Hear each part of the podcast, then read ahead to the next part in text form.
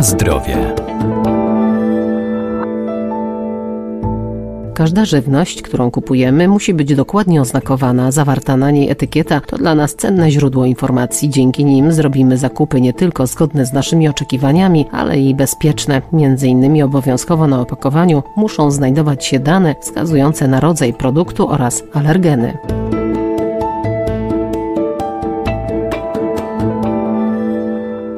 Każdym opakowaniu artykułów spożywczych znajdziemy skład danego produktu. Na pierwszym miejscu musi znajdować się składnik, którego w produkcie jest najwięcej. Natomiast artykuły jednoskładnikowe, np. masło czy mleko, nie muszą mieć wykazu składników. Jest kilka takich bardzo ważnych kwestii, które powinny się znaleźć na tej etykiecie. Zacznijmy od samego początku.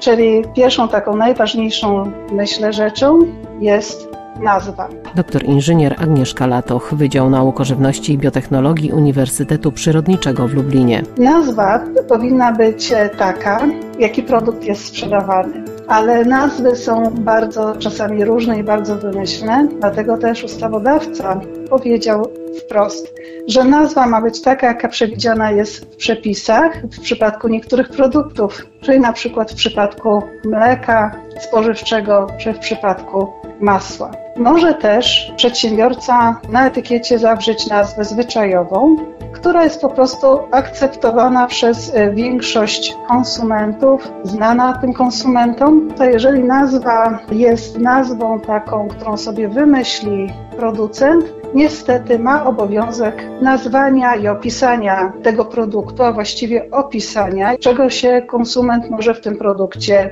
e, spodziewać. Kiedy już wiemy, jaki produkt mamy do, przed sobą, który możemy zakupić, na takiej etykiecie będą się również musiały znaleźć informacje dotyczące podstawowych składników. No i teraz, jeżeli chodzi o te podstawowe składniki, to one zgodnie z obowiązującym prawem muszą być wymienione w kolejności od składnika, który występuje w największej ilości, poprzez kolejne składniki, które występują w coraz mniejszej ilości. Stąd też łatwo nam się zorientować jako konsumentom, co w tym e, danym produkcie po prostu możemy e, zastać. Ale oprócz tego bardzo istotną kwestią jest przy wykazie składników e, są m.in. alergeny. Na zdrowie. Wykaz alergenów musi w sposób szczególny wyróżniać się od pozostałych informacji, np. zapisane inną czcionką czy kolorem tła. Ustawodawca wymienił 14 e, różnych grup e, substancji, które mogą powodować alergię lub reakcje nietolerancji.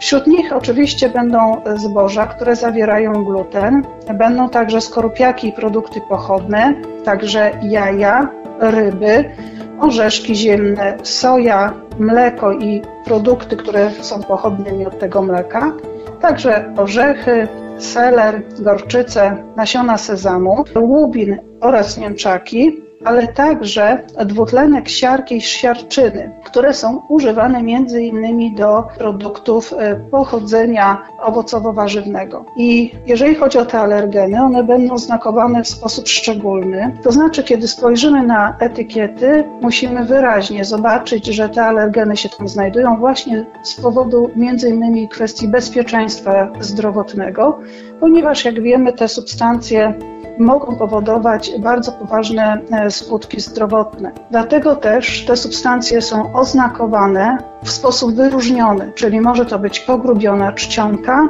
może to być czcionka napisana na przykład jakimś innym kolorem, czy też e, podkreślona nazwa substancji, która może wywoływać alergię lub reakcję nietolerancji. Bardzo ciekawą rzeczą jest również to, że jeżeli w produkcie spożywczym nie będącym alkoholem w sensie stricto jest zawartość alkoholu powyżej 1,2%, to wówczas również e, przedsiębiorca ma obowiązek oznakowania na etykiecie tej ilości alkoholu ze wskazaniem właśnie ile tego alkoholu w produkcie spożywczym się znajduje.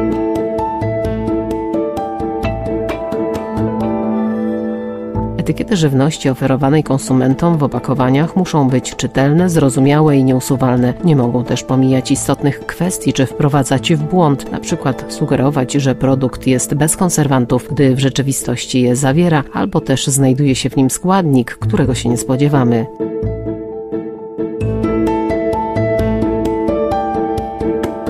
Na zdrowie.